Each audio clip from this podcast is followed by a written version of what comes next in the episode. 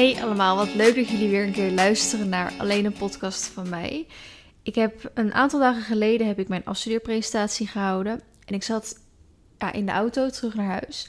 En toen dacht ik, hoe leuk is het eigenlijk om een podcast op te nemen over afstuderen en over wat erbij komt kijken, maar vooral uh, tips voor afstuderen, tips voor uh, presenteren. Uh, hoe heb ik het ondervonden hoe, om in eigenlijk mijn eigen onderneming af te studeren en eigenlijk alles wat erbij komt kijken. Ik heb echt de beste studiebegeleiders of afstudeerbegeleiders, hoe je ze ook wil noemen, van nou ever gehad. En ik heb zoveel aan deze mannen gehad. En ik zou eigenlijk nog heel graag een keer met hun misschien een podcast op willen nemen. Misschien ooit op een dag gebeurt dat nog wel, want die zijn zo. Ja, het is gewoon wat zij. Ik kan gewoon niet verwoorden met wat voor dingen zij zeggen. Uh, wat zo ontzettend interessant is en ook goed voor jezelf om te relativeren, zelfreflectie te doen, et cetera. En dat is echt super tof. Maar ik zat dus uh, op de terugweg in de auto en toen dacht ik, oh, misschien kan ik een podcast hierover opnemen. Het is al een, tijdje geleden dat ik voor het laatst zelf een podcast deed. En dat is helemaal niet erg, maar ja, ik wil eigenlijk alleen pas een podcast in mijn eentje gaan doen als ik ook echt wat te vertellen heb. En uh, dat was een hele lange tijd niet zo. En wat ja, ik gewoon natuurlijk met Esmee samen deed of met andere gasten. En dat is natuurlijk uh, helemaal prima. Mocht je trouwens meer over mij als ja, influencer willen weten, of over hoe ik mijn bedrijf ben gestart, over uh, nog heel veel meer dingen. Ik heb natuurlijk zelf al een hele hoop verteld, maar ik ben laatst ook al te gast geweest bij de podcast van Anne Claire. Want Anne Claire is bij mij al drie keer te gast geweest, maar ze heeft nu sinds een tijdje zelf een podcast. Dus Prestatie, Paard en Passie. Dat is haar podcast. Op Spotify ook. En ook op de rest waar ik waarschijnlijk ook mijn podcast. Dus waar, waar jij mijn podcast luistert, kan je haar podcast waarschijnlijk ook vinden. En Anne-Claire die gaat in gesprek met heel veel mensen. Specialisten, instructeurs, grooms. Uh, noem het maar op, gaat zij ook mee in gesprek. En er staat al een hele leuke van de Groom van Patrick van der Meer volgens mij online. Die is echt super interessant. En ze heeft dus ook een podcast met mij opgenomen. En die vind ik persoonlijk ook heel erg leuk geworden. Dus mocht je uh, nog meer van mij willen horen, dan is dat super, zeker leuk om ook uh, te doen. Mocht je dat niet leuk vinden, is dat natuurlijk ook helemaal prima. Ik weet bijvoorbeeld dat een aantal mensen alleen naar de podcast van mij en SME luisteren. Omdat ze SME bijvoorbeeld heel grappig vinden. En dat is natuurlijk ook helemaal prima. Maar daarom leek het me leuk om te gaan vertellen hoe ik het afstuderen heb ervaren. En uh, mijn tips en waar überhaupt mijn afstudeeronderzoek over ging. Um, maar wat ook misschien de andere jongens. Want ik heb dus um, een bepaald, een ander soort afstudeertraject gedaan dan een normale vierdejaarsstudent op het HBO. Normaal gesproken ga je een half jaar stage lopen ergens en doe je een half jaar een minor. En dat heb ik allebei niet gedaan. Ik mocht dus afstuderen in eigen onderneming. En dat was dus, dat heet Green Starters ja, groene, groene starter, hoe je het ook wil zeggen. Uh, ons groepsgesprek heette de Green Masters. dus we waren geen starter, we waren een master. En ik moest vorig jaar op sollicitatie komen voor dus uh, twee mannen, die dus, de, ja, twee mannen klinkt ook zo raar, twee docenten, uh, die dus de, ook dus afstudeerbegeleider waren van, van ons. En ons was dus verteld, er is dus ongeveer plek voor vier mensen. En meestal doen ongeveer 30 man doet sollicitatie ervoor. Ik weet niet of uiteindelijk 30 man sollicitatie voor heeft gedaan. Um, ik heb een aantal jaar al geleden, ik denk drie jaar geleden al, heb ik aangegeven uh, aan iemand, ik weet niet meer wie, om eigenlijk te zeggen van ja, ik, ik werk tegenwoordig fulltime. YouTube is echt fulltime voor mij geworden. Dat was dus al drie jaar geleden ongeveer. En weet je, ik wil heel graag mijn HBO-diploma halen, maar ik weet gewoon niet zo goed hoe ik het moet combineren samen. En dat begreep die docent en die zei, nou ga even met deze docent praten. Dus daar ben ik naartoe gegaan. Dat is dus de docent waar ik um, mijn sollicitatie voor heb gedaan en die dus mijn afstudeerbegeleider werd. Um, ik ben toen naar hem toegegaan drie jaar geleden en toen zei ik van, meneer, ik, ik werk tegenwoordig fulltime. Um, ik weet niet zo goed meer hoe ik mijn, mijn studie moet gaan combineren hiermee. Hij zei, nou ik begrijp het, maar we kunnen er helaas niks aan doen. Um, het enige wat ik voor je kan betekenen, als je straks in het vierde jaar gaat afstuderen, hebben we tegenwoordig in het leven geroepen de Green Starters. Dus dan mag je afstuderen in eigen onderneming, maar daar heb je nu nog niet zoveel aan. Want ik zat toen dus inderdaad in het tweede jaar of misschien net in het derde jaar. Nou, dat was best wel jammer om te horen, maar aan de andere kant ook wel weer fijn dat er dus in het vierde jaar wel iets was. Want ik dacht echt shit, als ik straks in het vierde jaar een half jaar lang stage moet gaan lopen van 9 tot 5, vijf dagen in de week, hoe ga ik dat ooit combineren met mijn werk? Uh, dus daar zat ik een beetje mee, maar was dus echt super blij dat dus dat als mogelijkheid uh, er was. Nou, toen heb ik dus uiteindelijk um, de sollicitatie daar gedaan. En die sollicitatie ben ik echt ik kan het me nog best wel herinneren. Ik was super zenuwachtig. Als ik ergens zenuwachtig voor ben en ik moet over mezelf en over ja, problemen praten, want je loopt tegen bepaalde dingen aan, dan word ik heel snel emotioneel. Ik ben echt, uh, ja, ik ben echt zwaar emotioneel als onstabiel op bepaald soort uh, vlakken. En dan is het ook echt wel soort echt moeilijk om tijdens dat gesprek gewoon letterlijk met tranen in te houden. Ik zat daar echt wel een beetje als klein meisje die wel al fulltime voor zichzelf bezig was, maar gewoon niet zo goed wist wat ze wilde. Um, en toen was ik dus aangenomen. Ik vond dat gesprek zelf al heel goed gaan. Maar ja, ik was natuurlijk. Ja, mij was verteld dat ongeveer 30 man solliciteerden om Green Starters te mogen doen. En dat maar ongeveer vier mensen mochten doen. Aan de andere kant heeft hij mij twee jaar geleden wel al verteld: Nou, mocht je daarvoor solliciteren, je bent wel precies de, uh, de leerling, de student waarvoor we dit in het leven hebben geroepen. Omdat Green Starters dus in het leven was geroepen voor studenten die tijdens een opleiding, omdat ik natuurlijk een bedrijfskundige opleiding deed, uh, studenten die tijdens een opleiding al een onderneming waren gestart, expres of per ongeluk. En dat dat een beetje uit de hand hè, ging lopen en dat het daardoor moeilijk was om ja, hun studie en hun um, ja, onderneming samen te doen. Uh, daarvoor was Green Starters ooit begonnen. Nou, dat is bij mij redelijk hetzelfde gebeurd. Hij zei toen de tijd al van ja, jij bent wel perfect hiervoor. Dit, jij, ja, jouw situatie is de reden waarom we dit in leven hebben geroepen. Dus ik was natuurlijk wel zenuwachtig ervoor, maar ook weer niet, omdat ik eigenlijk wel wist, ja, ik ben wel echt precies waar wat ze zoeken. Dus ik denk dat het op zich wel goed komt. Nou, toen was ik dus inderdaad ook aangenomen met nog uh, vier andere jongens uiteindelijk, maar waarvan één, ja, twee jongens zeg maar samen een onderneming hadden. Dus we hadden, ik denk niet dat ze het heel erg vinden als ik hun naam noem. Uh, we hadden uh, Bram, die heeft een uitzendbureau echt totaal iets anders eigenlijk met wat hij studeerde. Maar helemaal prima natuurlijk. We hadden Paul en Dirko. Die hadden een bedrijf in UV-lampen voor, de, um, ja, voor de sector van landbouw, uh, ja, landbouwhuisdieren. De sector van landbouwdieren. Uh, voor varkens, volgens, volgens mij voor varkens en kippen vooral. Uh, ik weet het niet exact meer. Het is een aantal maanden geleden dat we die presentatie van hebben ge gekregen. En dan hadden we ook nog... Oh, de bel gaat Waarom gebeurt het zo vaak dat als ik een podcast aan het opnemen ben, dat de deurbel gaat? Ik moet zeggen, ik kreeg echt een milliseconde een hartaanval. Want de pakketbezorger stond voor de deur en ja, hij komt hier best wel heel erg regelmatig. Alleen het leek alsof hij een soort pistool in zijn hand had. Dus ik dacht echt, wow, wat fuck gebeurt hier? Maar het was echt gewoon zijn telefoon. Dus uh, niks aan de hand. Ik heb een pakketje binnengekregen. Ik zal hem straks uitpakken. Um, maar de andere jongen die dus uh, ook aan het afstuderen was, dat was Ruben. En Ruben die had een varkensbedrijf um, thuis en die maakte zelf droge worst. En die verkocht dat als echt een soort streekproduct bij hem in de omgeving. En die ging daar dus zijn onderneming van maken. Het eerste wat ik dacht, uh, het allereerste trouwens wat ik hoorde van, oh je bent uh, aangenomen voor Green Starters, je gaat na de zomervakantie daarmee beginnen. Uh, ja, en dat ga je samen met Ruben doen. En Ruben die, uh, die doet iets met varkens of zo. Die heeft een varkenshouderij, uh, boerderij, weet ik het wat. Iets met varkens las ik op dat moment.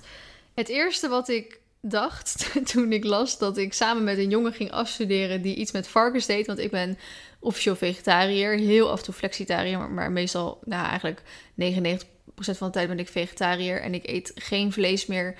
Uh, als eerste reden voor mijn huid, maar ook zeker voor de dieren. En ik ben zeker gestopt met varkensvlees eten, omdat dat echt een boosdoener voor je huid is. En ik vind dat echt wel veel varkens in Nederland uh, slecht behandeld worden. Oh, het, is trouwens echt mega erg aan het onweren en aan het regenen buiten. Dus misschien mocht je dat een beetje horen. Het is echt wel een beetje herfstachtig. Ik vind wel wat hebben. Ik ben niet bang voor onweer. Ik wil wel een beetje sfeer hebben. Maar goed, hij. Um, ik weet dat Ruben de podcast luistert. Dus ik weet niet of ik jou dit ooit verteld heb, Ruben. Maar ik, ja, ik ben dus niet echt heel erg fan van uh, hoe mensen in Nederland met varkens omgaan.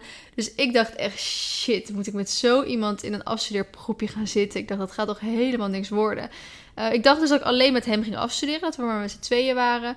Maar uiteindelijk kwamen dus uh, Bram, Paul en Dirk kwamen er ook bij. En dat was echt super tof, want volgens mij de eerste keer hadden we gewoon op school afgesproken. Dus ja, met vijf studenten en vier docenten. Wat echt super leerzaam was. Echt, um, ik keek er gewoon echt naar uit of we met z'n allen afspraken. Dat was dus een soort onze afstudeergroep. En zij begeleiden ons daarin. En vervolgens zijn we als eerste, volgens mij, naar, um, naar Dirko geweest. Naar zijn bedrijf. Want we gingen, uh, we zouden ongeveer vijf of zes keer per jaar zouden afspreken. Um, om de voortgang te bekijken en even gesprekken te hebben. Nou, hoe gaat het verder? En kun je nog ergens mee helpen? En waar loop je tegenaan? Bla bla. Volgens mij gingen we als eerste keer naar Dirko's bedrijf toe. En daarna zijn we naar Rubens' bedrijf toe gegaan. En daarna zouden we volgens mij naar Bram's bedrijf toe gaan. Maar ja, toen kwam corona en toen konden we natuurlijk niet meer bij elkaar langs gaan. En ging eigenlijk alles nog online. Wat heel jammer was, want ik miste dat echt heel erg om met z'n allen te gaan afspreken. Maar goed, om niet echt heel erg te diep verder op dit verhaal in te gaan. Ik ben uiteindelijk alleen samen met Ruben toch, ehm, ja, ben ik afgestudeerd. Nou, ik kan nog niet zeggen dat ik afgestudeerd ben, want ik moet nog steeds één presentatie van een vak uit het tweede jaar, volgens mij, die ik echt al twee, drie jaar aan het uitstellen ben, moet ik nog steeds doen. Maar die heb ik volgende week staan. En als het goed is, ben ik dan afgestudeerd, mag ik eindelijk mijn diploma in ontvangst nemen.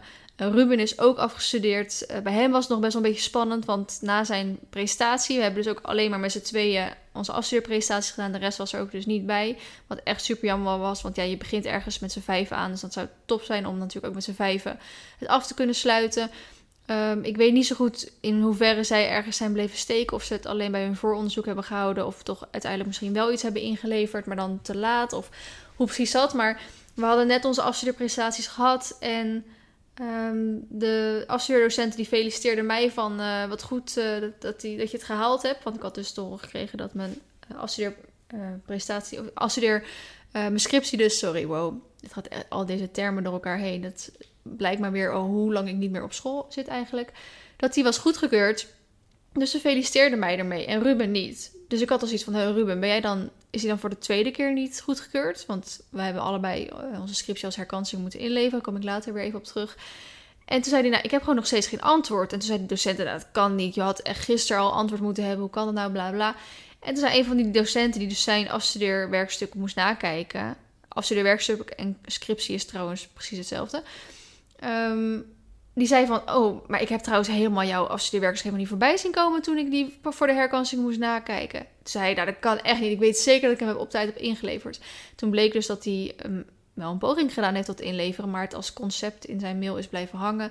En hij hem dus nooit meer voor de tweede keer heeft ingeleverd. Hij kon gelukkig dus wel aantonen bij de examencommissie dat hij hem wel op tijd heeft kunnen willen inleveren. En toen hebben de dag, volgens mij dezelfde dag nog, hebben de docenten ernaar gekeken, goedgekeurd. En ook hij uh, is dus, uh, ja, is helemaal uh, alles succesvol afgerond en zo.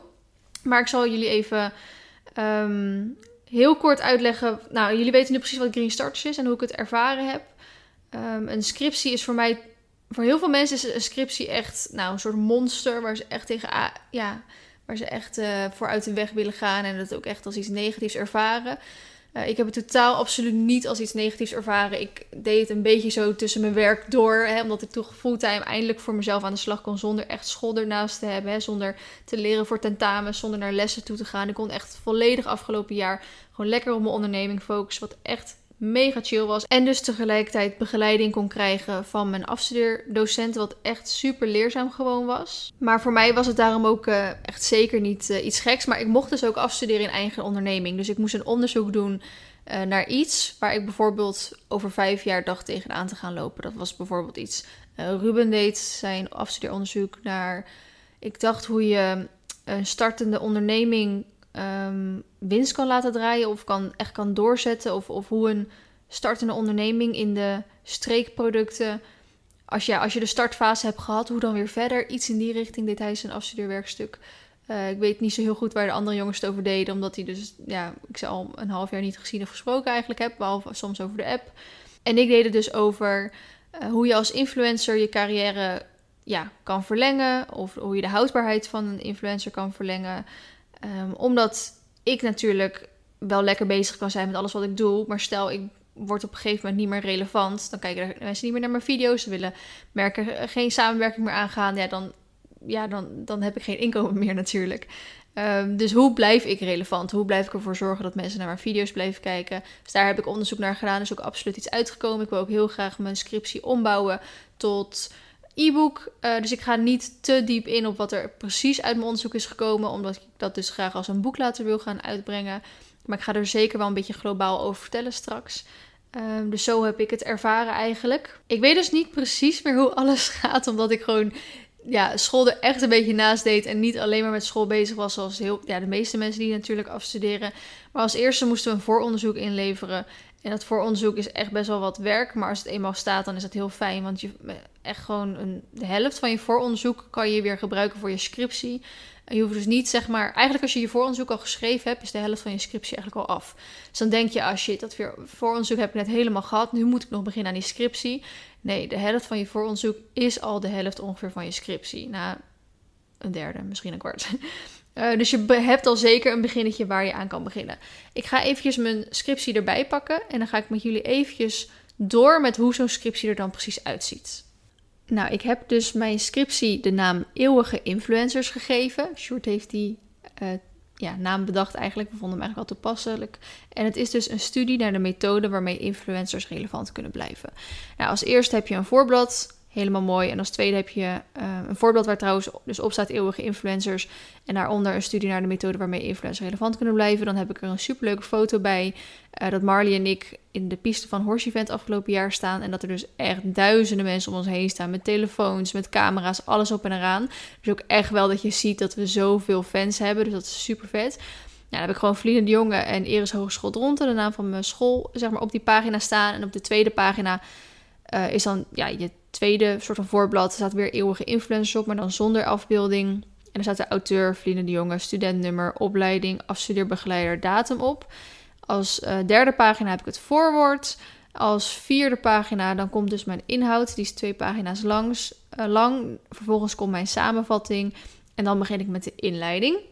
Nou, inleiding begin je met je breder kader. En breder kader is eigenlijk dat je dus formuleert um, waarom je eigenlijk onderzoek gaat doen naar dit probleem. Dus ik zal even het eerste stukje van mijn brede kader voorlezen. Dat is eind 2019 voorspelde de Telegraaf dat het nadoen van influencers uit is in 2020. Ook de nieuwe COPPA-wetgeving zorgt voor aanpassingen in het werk van vele influencers. Wetten, traditionele media, slechte ervaringen en gedrag van influencers met een voorbeeldfunctie zorgen er, allemaal, zorgen er allemaal voor dat influencers steeds meer onder vuur komen te liggen. Dit terwijl influencer marketing wel groeit en een werkende strategie met zich meebrengt. Het koppelen van de juiste influencers bij de juiste campagne kan voor zeer effectieve marketing zorgen. Dus zo begon ik um, eigenlijk mijn brede kader. En in dit kleine stukje heb ik al vijf of zes bronnen gebruikt. Je kan dus in je hele inleiding mag je geen enkele zin eigenlijk zeggen die niet onderbouwd kan worden met een bron. Dus Um, als ik zeg eind 2019 voorspelde de Telegraaf dat het nadoen van influencers uit is, moet ik een bron erbij hebben waar dat dan dus bij staat.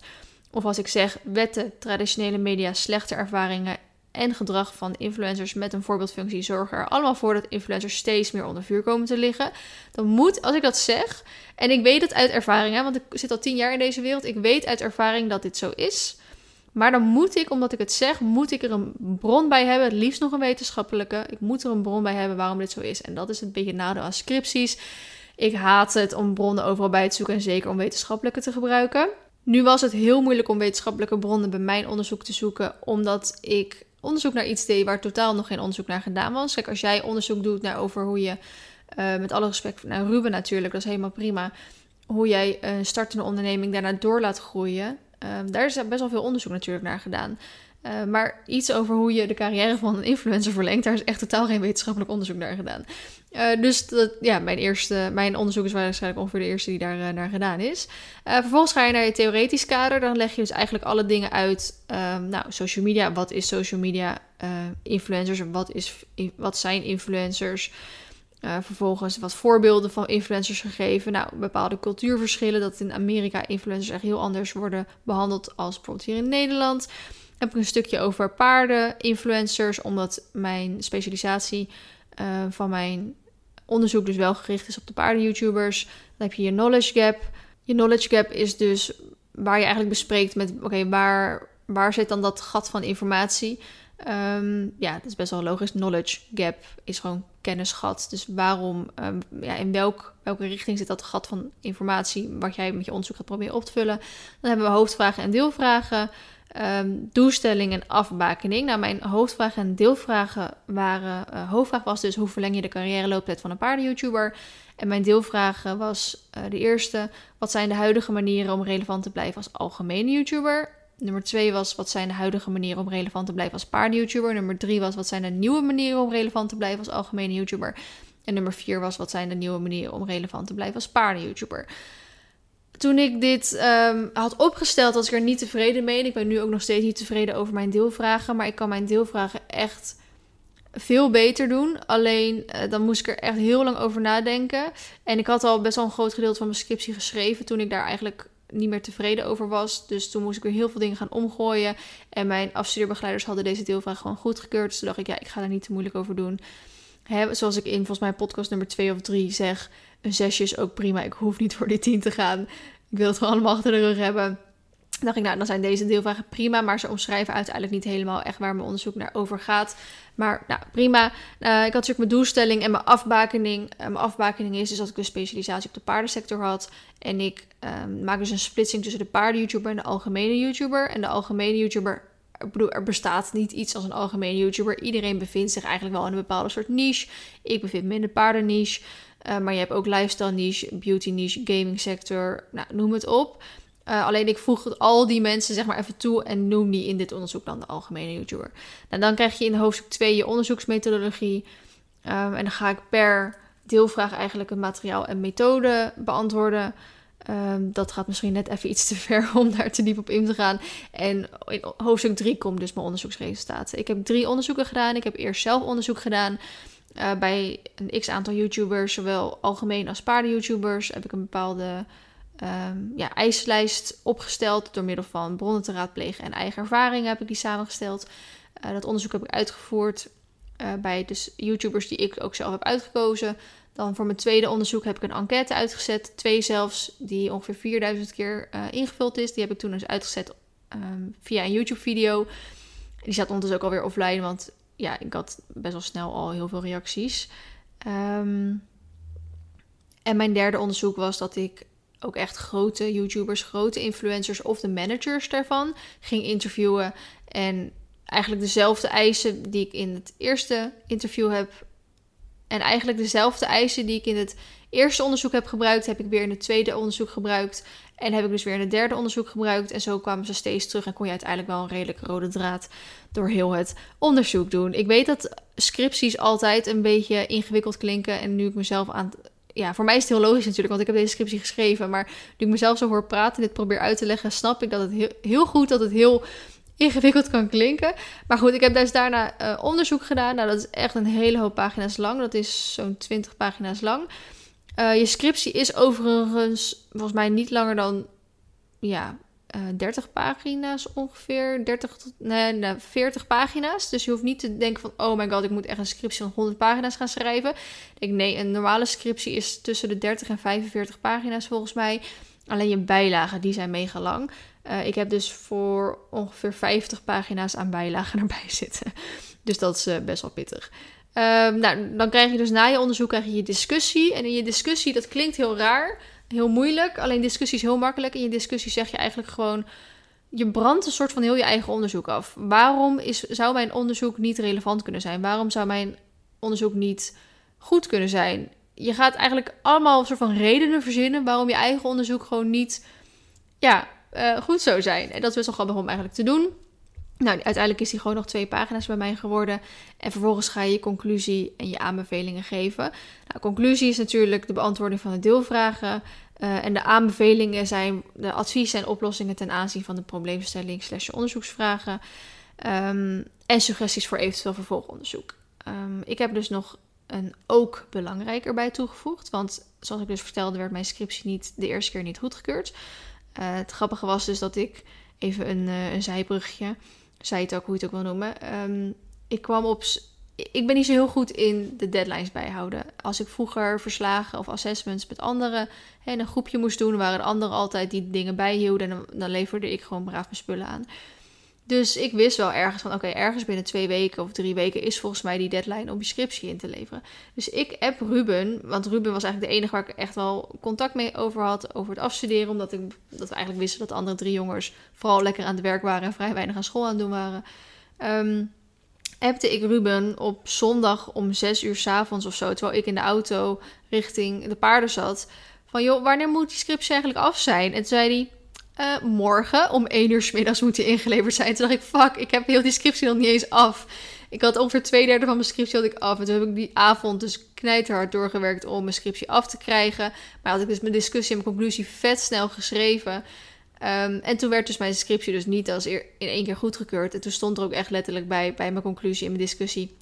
uh, lijkt het alsof het een beetje vlug is geschreven. Toen dacht ik, goh, hoe zou dat nou dus komen? Um, ik heb dus met beide docenten, hè, want er is altijd één afstudeerbegeleider die echt jouw uh, eigenlijk vaste aanspreekpunt is. Ook al hadden wij vier afstudeerbegeleiders, er is er eentje altijd die echt jouw vaste aanspreekpunt hoort te zijn. Die echt ook dus naar jouw scriptie uh, gaat beoordelen. En dan heb je altijd een tweede beoordelaar.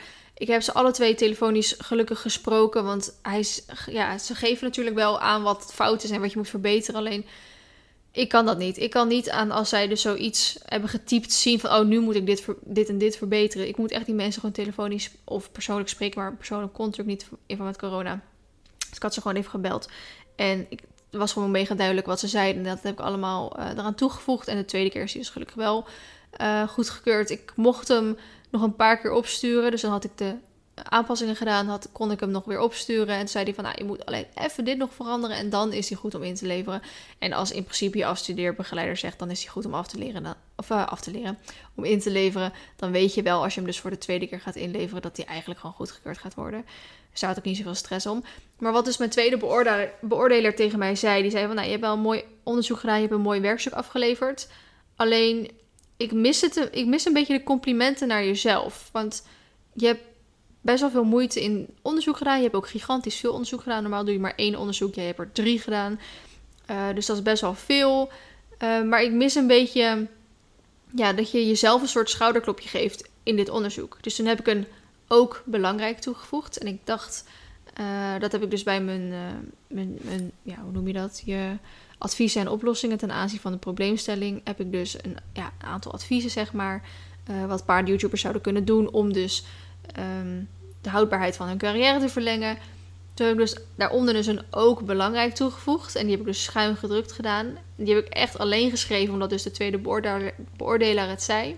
Daar heb ik dus geschreven. Daarbij wil ik graag vermelden dat dit het onderzoek was naar hoe je de carrièrelooptijd verlengt van een influencer. Wat nauw ligt met hoe je een succesvolle influencer wordt. Nu is het voldoen aan deze gevonden eisen niet een directe succesfactor naar het echte succes. Vele influencers zoals ik stoppen jaren moeite in de video's en content om pas na jaren resultaten te zien. Ik zelf zit al 10 jaar op YouTube en pas sinds 3 jaar verdien ik hier geld mee. Wanneer je video's gaat maken omdat je graag bekend wil zijn en geld wil verdienen, is dit de verkeerde insteek om influencer te worden. Je zal dan snel onder de eendagsvliegen vallen. Video's maken en mensen meenemen in je leven of interesses moet een hobby of passie zijn, anders is het niet vol te houden. Er zijn maar een paar influencers in Nederland die hier makkelijk hun fulltime job van kunnen maken. Er zijn een hoop die hier enorm veel moeite voor moeten doen. En er zijn er nog veel meer die er nog een normale baan bij moeten hebben om rond te kunnen komen. Er gaat meer moeite, de zaak is tijd en energie, de zaak is lichamelijk, maar vooral mentaal, in zitten en dit wordt vaak onderschat. Weet waar je aan begint als je dit tot succes wil maken vanuit een passie, anders kan je deze tijd beter ergens anders in stoppen. Dat heb ik dus nog uh, eraan toegevoegd.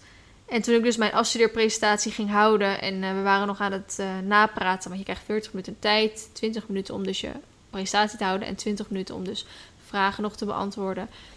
Toen, um, die docenten zeiden ook tegen mij van, Vlien, je hebt zoveel, je bent zo'n ontzettend ander persoon. Um, hebben we voor ons nu, dan toen jij dat, die sollicitatie bij ons deed, want ik vertelde al aan jullie, toen ik die sollicitatie deed, was ik echt nog een beetje onzeker meisje die wel al de voet en baan had, maar gewoon echt niet wist welke kant ze nou op moest en hoe ze nou bepaalde dingen moest doen. En daar echt gewoon half jankend zat, omdat ik gewoon emotioneel onstabiel ben. Um, en het heel spannend vond om dat dus zo met docenten te bespreken.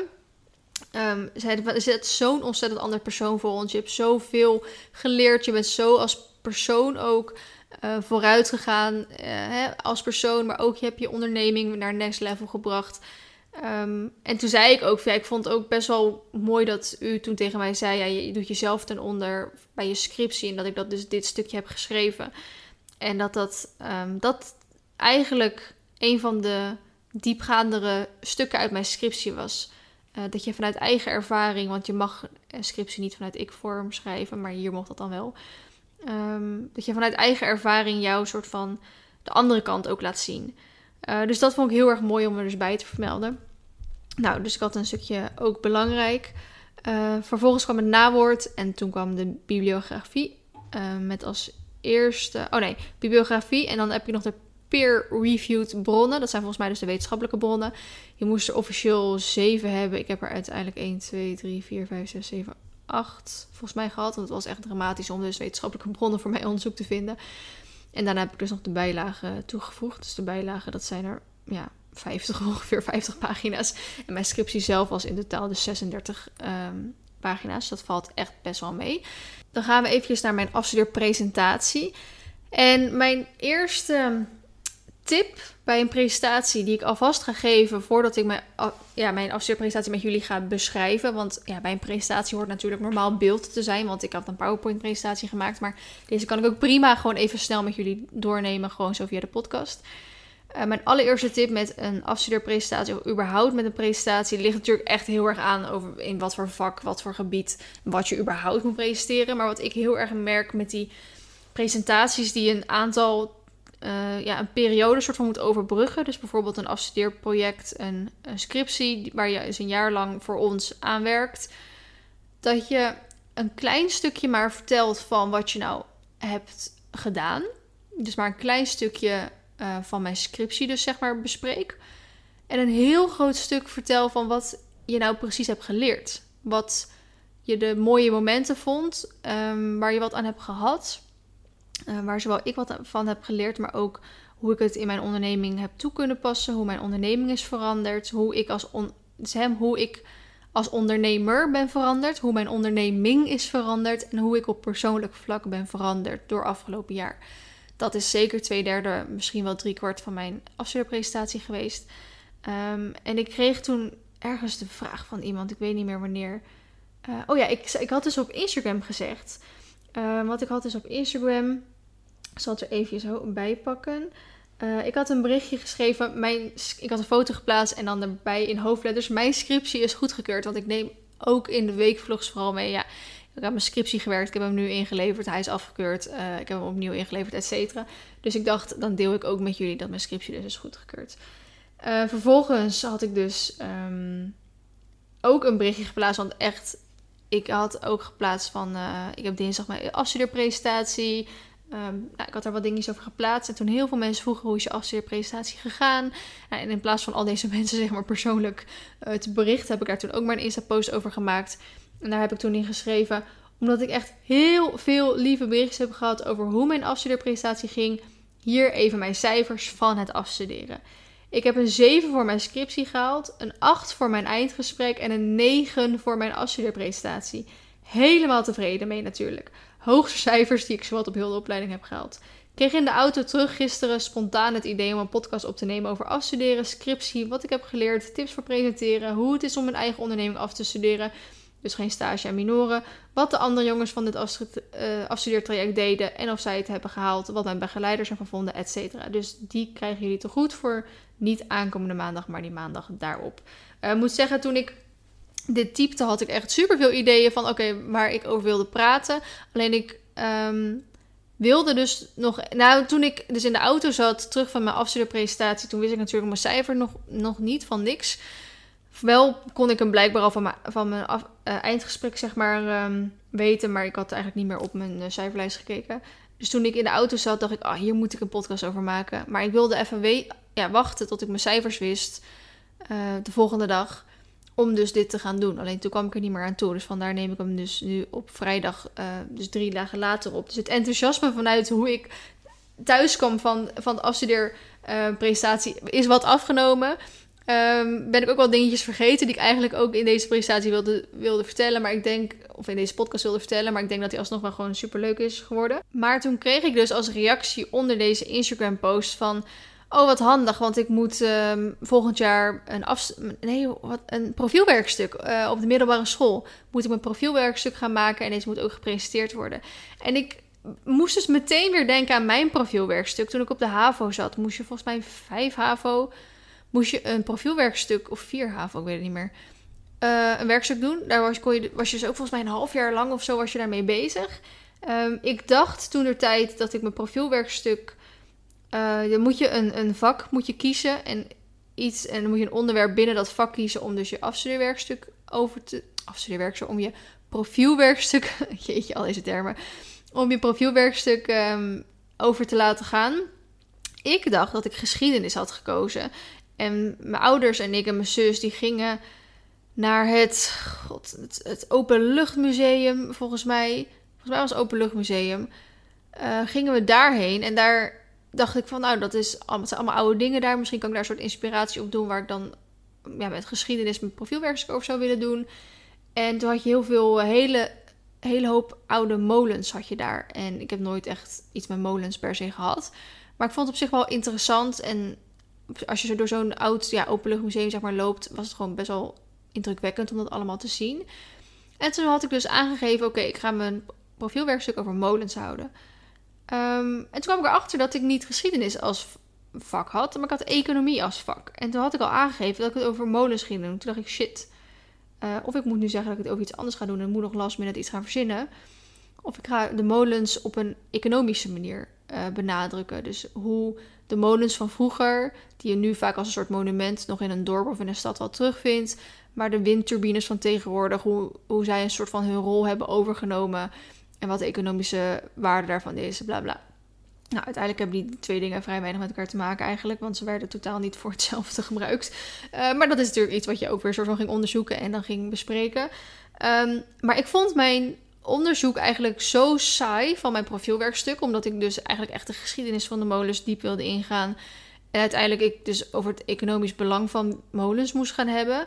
Het was op zich wel leuk, maar best wel saai. En dan vooral saai om dus te gaan presenteren daarna. Kijk, met mijn presentatie nu op het HBO, dat zijn over het algemeen volwassen mensen allemaal. En die hebben het fatsoen om naar je te luisteren. Um, alleen een presentatie op, op het HAVO, waar je tegen allemaal tieners iets moet gaan vertellen. Want dan moet je tegen een, ja, een, volgens mij een 15 aantal uh, tiener, ja, gewoon hè, klasgenoten. Volgens mij ook uit andere klassen van, van ja, economie dan. Uh, ja, iedereen die zeg maar economie had gekozen om een profielwerkstuk van te doen, daar moest je dan volgens mij je presentatie voor doen. En dan volgens mij zaten er ook wat ouders bij. En uh, nou, wat docenten zaten erbij, dus flink volle klas. Toen dacht ik, als ik, een, als ik een presentatie moet gaan doen over molens en de economische waarde daarvan, dat is kapot saai. Niemand gaat daar naar willen luisteren. Dus wat ik toen deed, is dat ik dus heel kort iets over mijn profielwerkstuk heb verteld. En toen heb ik dus ook letterlijk gezegd, ik hou echt heel erg van grapjes maken in presentaties, om een beetje de aandacht erbij te houden. Heb ik dus gezegd, nou ja, ik denk dat het super saai is om jullie hier echt tot in de details over te gaan vertellen. Dus dat ga ik absoluut niet doen. Dus ik ga jullie allemaal leuke weetjes vertellen over molens. En toen in één keer werd het echt heel leuk. En ik zag ook echt de blikken, dat weet ik nog super goed. Echt al heel acht jaar geleden, maar ik weet het nog super goed. Dat zowel de blikken van de, van de medeleerlingen, van de ouders, van de docenten. in één keer echt veranderden. Van inderdaad, van oh, dit gaat echt iets saais worden. Naar van oh, interessant, tof, ga door. Uh, dat ik bijvoorbeeld, uh, ik weet nog heel goed dat ik dus wat ja, leuke weetjes, feitjes ging vertellen over molens. Die echt dus oprecht een beetje leuk waren. Uh, je kent misschien het spreekwoord wel, dat, of nou, het gezegd of dat iemand oliedom is. Um, en oliedom komt dus vanuit de molens, omdat uh, olie werd gemaakt. Ja, ik weet het niet precies meer hoor. Maar olie wordt gemaakt in tijd in molens. Dat zijn volgens mij van die zaadjes of zo die dan geplet worden door het uh, stampen van die houtbalken tegen elkaar aan, weet ik het wat. Um, dan wordt zo'n zaadje dingetje geplet en daar wordt dan uiteindelijk olie van gemaakt en weet ik het wat. Um, alleen door dat klappen van die balken tegen elkaar, dat is dat uh, ja, zorgt voor hoorbeschadiging uh, na een aantal jaar. En dan word je dus doof van. Dus als iemand iets aan die molenaar vroeg, dan hoorde die je niet. Uh, omdat hij dus door gewoon slechthorend was geworden daarom. En daarom komt de uitspraak oliedom vandaan. Omdat ze dus dachten dat je dom was, dat je het niet kon beantwoorden. Volgens mij was het zoiets hoor. Um, en ja, en dat was dus omdat die molen um, olie maakte. Of produceerde, of hoe je dat ook noemt. En daar komt de, het spreekwoord, of het gezegde olie, dat iemand oliedom is vandaan. Terwijl je zo helemaal niet zou denken. En ik had dus allemaal van dat soort leuke feitjes zeg maar opgezocht, wat dat met molens te maken had. En um, daar had ik dus een presentatie naar gemaakt. En toen kreeg ik inderdaad ook iets van een 8 voor mijn presentatie. Of een 9 misschien ook wel. Ik weet niet precies. Maar echt wel een hoog cijfer. Omdat het echt wel een van de leukste presentaties was die ze hadden gezien. En zo heb ik altijd, als een presentatie niet leuk is, maak hem dan leuk. Op zo'n soort manier. Nou, weer even terug om. Uh, dat is echt mijn allerbeste tip die ik je kan geven. Om een presentatie leuk te maken op zo'n soort manier. Om, of om grapjes, ijsbrekers, wat dan ook toe te voegen. Als er natuurlijk plek voor is. Ehm, nou, mijn eigen afstudeerpresentatie begon dus gewoon met de eeuwige influencers. Ehm, en weer dezelfde foto. Vervolgens had ik dus de ondertitel: Een studie naar de methode waarmee influencers relevant kunnen blijven. Uiteindelijk had ik wel nog ook dat ik wilde opsommen met wat er allemaal in voorkomt: hè? inleiding, brede kader, theoretisch kader, et cetera. Waar ik net ook even over heb gehad. Ehm, alleen ik ging dus, uh, ik, toen ik las in het mailtje van ja, de presentatie moet 20 minuten duren. Toen dacht ik 20 minuten, dat is super lang. Daar ga ik nooit aankomen. Nou, toen had ik heel mijn presentatie in elkaar gezet. dacht ik, nou ga ik hem toch een keer oefenen. Gewoon niet echt oefenen om te presenteren, uh, maar gewoon oefenen hoe lang die dan gaat worden. En toen kwam ik echt op 40 minuten uit. Toen dacht ik, oh shit. ik dacht dat ik never in mijn leven 20 minuten ging halen. Nu kom ik op 40 uit. Dus heb ik heel dat stuk dus geschrapt van uh, de inhoud van mijn presentatie. En dat zeg ik er dan ook bij tijdens het presenteren. Van nou uh, wat ik dus jullie net verteld had met de tijd. Dus ik dacht, nou, ik skip het gewoon, want jullie hebben zelf al mijn presentatie helemaal gelezen. Dus ik hoef er helemaal niet veel dieper op in te gaan. En je zag ze inderdaad ook echt zo knippen van, nee, dat hoeft ook eigenlijk helemaal niet. Nou, toen heb ik wel mijn deelvraag, uh, mijn hoofd aan mijn deelvraag geformuleerd. Verteld welke drie onderzoeken ik heb gedaan en waar, elk onderzoek uit bestond. En uh, de belangrijkste verschillen die je, zowel de verschillen als de rode draad die je door de, door de onderzoeken zag. De conclusie waar ik dus antwoord geef op mijn hoofdvraag. En toen ging ik dus eigenlijk iets laten zien Um, wat, een, wat afgelopen maanden een soort van gebeurd was. Waar, wat ik dus even niet wil en kan vertellen. Maar wat afgelopen maanden gebeurd was. Uh, waardoor al een soort van mijn conclusie zeg maar, van mijn onderzoek al een soort van bewezen was. Um, en dat was dus gewoon heel erg leuk en interessant om te laten zien. Uh, daarna moest ik dus hebben over de ontwikkeling van mijn eigen onderneming en de ontwikkeling van mezelf als persoon en als ondernemer. Uh, toen heb ik dus verteld, nou, onderzoek um, even kijken hoor. Uh, ik moest de ontwikkeling van mijn eigen onderneming heb ik dus gesplitst in het onderzoek wat ik heb gedaan voor mijn scriptie toe te passen op mijn eigen onderneming. En ik heb hem gesplitst naar het uitbreiden om risico te spreiden. Want ik heb dus. Um, mijn doel van mijn onderzoek was dus om te weten hoe je voor jarenlang relevant kan blijven. Maar een ander gevaar wat ik zag is dat als je bijvoorbeeld alleen maar op YouTube zit en YouTube valt weg, heb je niks meer. Als je alleen maar, weet ik veel, een kledinglijn uitgeeft en de kledinglijn valt weg, heb je niks meer. En zo wil ik eigenlijk mijn tentakels wat meer uitspreiden. Dus ik doe YouTube-video's, ik doe samenwerking, ik heb een kledinglijn, ik heb een podcast, ik ga een boek uitbrengen. Uh, ik ga straks mijn instructeursbewijs halen. Uh, weet je wel, dat je, dat je echt zeg maar overal uh, handen en voeten in hebt zitten. Dat je als er iets wegvalt, dat je er nog een hele hoop andere dingen hebt. Dus dat noemde ik dus het uitbreiden om risico te spreiden. Dus we gaan als eerste naar het onderzoek toepassen op eigen onderneming. Uh, nou, de dingen die dus uit mijn onderzoek zijn gekomen, wat ik daarvan dus al heb toegepast op mijn eigen onderneming, waar ik dus niet verder op inga, want dat komt in het e-book te staan. Uh, en het uitbreiden om risico te spreiden is bijvoorbeeld dat ik de podcast gestart ben, dat ik um, boek ga uitbrengen, dat ik de kledinglijn wil gaan splitsen in merchandise en gewoon collecties. Dat ik die buitenrit een dagjes mee op stal tegenwoordig doe. Dat we bezig zijn om een eigen locatie te krijgen. Dat ik die instructeursdiploma wil gaan halen. Uh, en dat ik dus na uh, dat we het boek hebben uitgebracht, wil ik dus heel graag een e-book gaan uitbrengen. Ik wil heel graag een planner uitbrengen. Misschien nog een stripboek, misschien nog een bordspel. Uh, misschien nog een soort bullet journal iets. Of misschien ooit nog wel een leesboek. Of nou weet je, het is heel veel verschillende ideeën zijn er. En dat is dus het uitbreiden om risico te spreiden. Vervolgens wilde ik heel graag rust en regelmaat vinden in mijn bedrijf, in mezelf ook vooral en stabiliteit krijgen. Ik bedoel, uh, ik ben natuurlijk ook naar een, um, een coach geweest. Daar heb ik jullie ook een keer eh, in een podcast over verteld. Um, en wat deze coach mij heeft gebracht, waar ik tot de dag van vandaag nog heel veel aan heb gehad, die heeft mij heel veel rust daardoor gebracht. Ik heb natuurlijk Anne aangenomen, mijn personal assistant, die best wel veel dingen voor mij doet. En uh, op financieel gebied wat meer rust gekregen, omdat ik soms had je in één maand tijd vier samenwerkingen en dan had je in één keer weer drie maanden lang geen samenwerkingen. Dus dat ja, is dan financieel echt super uh, fluctuerend. Dus um, wij wilden heel graag, dat heb ik met mijn manager besproken, we wilden heel graag samenwerking aangaan voor langere tijd. Dat je dus een half jaar lang of een jaar lang had. En um, dus lange termijn samenwerkingen. En dat is ook gelukt. Uh, dus daar ben ik ook heel erg blij mee. Dan moest je dus uh, je competenties bespreken. Nou, er zijn tien competenties. Dat zijn leiding geven, samenwerken, presenteren, onderzoeken, innoveren, organiseren, zelfsturen, ondernemen, duurzaam handelen en globaliseren. Ik moest elke competentie dus even bespreken met wat, hoe ik mezelf heb verbeterd op dat vlak. Um, het grappige is dus, dan heb je je vooronderzoek gedaan. Dan heb je je scriptie gedaan, dan denk je dat je er bent. Maar dan moet je dus ook nog je competentiedossier gaan doen. En dan denk je, oh, dat doe ik wel eventjes. Nou, ik ben nog gewoon twee dagen lang bezig geweest met dat competentiedossier. Want dan moet je dus al die tien competenties, moet je gaan echt uitgebreid gaan beschrijven met hoe je jezelf hebt verbeterd op dat niveau. Ehm, je moet trouwens ook nog voor je, voor je vooronderzoek moet je ook nog een afstudeerplan schrijven. en dat afstudeerplan plan is volgens mij hoe je op dit moment op, bij die 10 competenties op dit moment staat en hoe je die aankomend jaar wil gaan verbeteren. Nou, bij je competentiedossier ga je dus wat je afgelopen jaar hebt gedaan vergelijken met hoe je in het begin van het jaar erbij stond en hoe je die dus ja, afgelopen jaar alle 10 hebt verbeterd, welke situaties erbij zijn gekomen. En dan moet je volgens mij drie competenties uitkiezen die je dus echt heel erg extreem uitgebreid gaat vertellen hoe je dat precies hebt gedaan, wat je ervan hebt geleerd uh, et cetera, et cetera. En je bent er echt even flink mee bezig. Dus onderschat alsjeblieft het competentiedossier niet. Um, vervolgens was ik eigenlijk klaar met alles uh, op dat gebied te vertellen.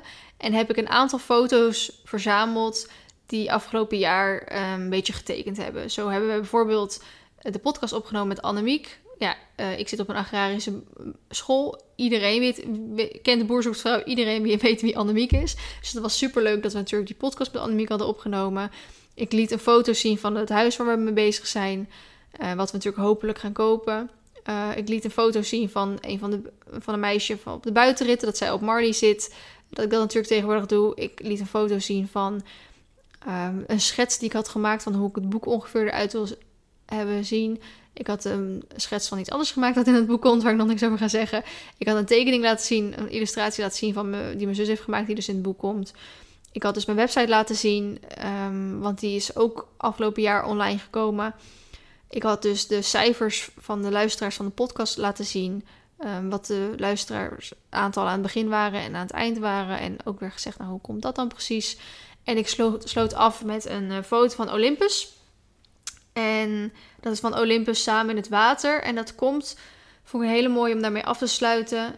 Um, omdat ook mijn afstudeergroep onderdeel is geweest van de revalidatie van Olympus. Um, toen ik namelijk mijn sollicitatie inging, hè, wisten we nog niks. Was nog alles helemaal goed. Was voor de zomervakantie. Toen ik begon met de eerste keer uh, afspreken met hun. Toen hadden wij volgens mij voor het eerst slecht nieuws gehad over Olympus. En uh, de keer dat we hadden afgesproken bij Dirko thuis, volgens mij, was um, de keer dat ik Olympus had weggebracht naar Hilversum. Dat hij voor anderhalf jaar erbij zou gaan. Uh, de keer dat we bij Ruben thuis hadden afgesproken, was dat ik toch had besloten, hè, dat, dat ik mij was aangeraden om te gaan revalideren met hem. Dus zij hebben eigenlijk dat, dat proces met mij meegemaakt. En een van de competenties is duurzaam handelen, zoals jullie vertelden. Nu is het um, in mijn, omdat ik niet echt met producten werk, ja, misschien alleen de kledinglijn dan, uh, is het vrij moeilijk om dan echt duurzaam te handelen. Uh, dus ik had op een gegeven moment duurzaam handelen gegooid op Olympus. Um, ik had Olympus ook kunnen in laten slapen en een nieuw paard kunnen kopen, maar dat is in zoverre niet duurzaam handelen. Ik koos ervoor om Olympus te gaan revalideren en te gaan trainen. En uiteindelijk heb ik er weer een fijn rijnpaard aan. Dus dat is natuurlijk ook een soort van duurzaam handelen. Dus dat vonden zij heel mooi om uh, die foto ook als einde te zien. En die docenten die kunnen zo goed dan. Ik, ik had dus dat verteld als einde. En dan is het net zoals nu dat ik echt mijn tranen moet inhouden. Omdat het natuurlijk gewoon nog steeds emotioneel proces is geweest. Um, en ik was zo klaar met die presentatie en ze waren stil. En dan weet ik natuurlijk al dat ik het goed heb gedaan. Laten we eerlijk zijn. En toen, toen begonnen ze um, volgens mij nog niet, nog niet te applaudisseren. Volgens mij was het echt gewoon mooi om daarmee af te sluiten. Mooi dat je het zo verwoord hebt met, met je paard daar in het water. Want het is de foto dat we aan het zwemmen waren. Um, en dan is het echt van, oké, tranen inhouden, tranen inhouden. Af en toe even doen alsof je moet lachen en dan moet huilen van het lachen. Maar ondertussen ben je gewoon emotioneel. Dus gewoon even heel snel dan even dat traantje dat in je ooghoek zit, even heel snel wegvinken. Uh, dus dat was super mooi. En ik heb hele mooie woorden van, mijn, van de docenten gehad. Dat ze echt zeiden van, Vlie, je bent zo ontzettend veranderd met een jaar geleden. Je weet gewoon wat je wil. Je hebt echt stappen gemaakt in je onderneming, maar ook voor jezelf als persoon, als ondernemer. Um, we gaan absoluut contact houden, want we willen je blijven volgen eigenlijk hoe je dat gaat doen. En dat vond ik echt super interessant. Ehm, daarna heeft, ja, niet alleen interessant, maar ook gewoon echt, echt mega lief. Ehm, nog even een stukje over het, over het afstudeerwerkstuk gehad en wat ik eraan heb gehad. En weet je wat, dus wat ik vooral vertel is dat ik kort over zeg maar, de inhoud van mijn scriptie ben gegaan. En de rest vooral over wat ik heb geleerd van mijn afstudeeronderzoek, wat ik als persoon heb geleerd ehm, en wat ik heb meegemaakt. En dat vinden docenten in mijn optiek echt belangrijker dan heel dat onderzoek zelf. Dan wat jij hebt geleerd, dus ook heel erg op die competenties gericht, hoe jij jezelf hebt verbeterd afgelopen jaar, maar ook eigenlijk heel je schoolperiode.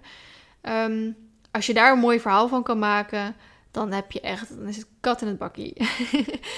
Vervolgens, uh, na mij, heeft Ruben dus zijn uh, presentatie nog gedaan. En Ruben had een heel ander soort presentatie, omdat hij natuurlijk een heel ander soort onderzoek had gedaan. Hij had echt naar iets onderzoek gedaan waar al een hoop onderzoeken naar waren gedaan. En wat er bij hem uitkwam was ook gewoon supergoed.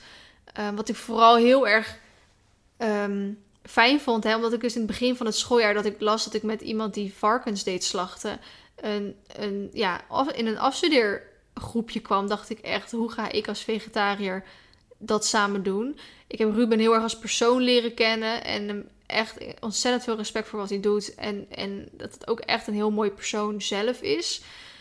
Um, ook hoop ik dat ook kunnen vertellen afgelopen jaar. En hoe hij ook gegroeid is met zijn onderneming. Echt alleen maar respect voor hebben.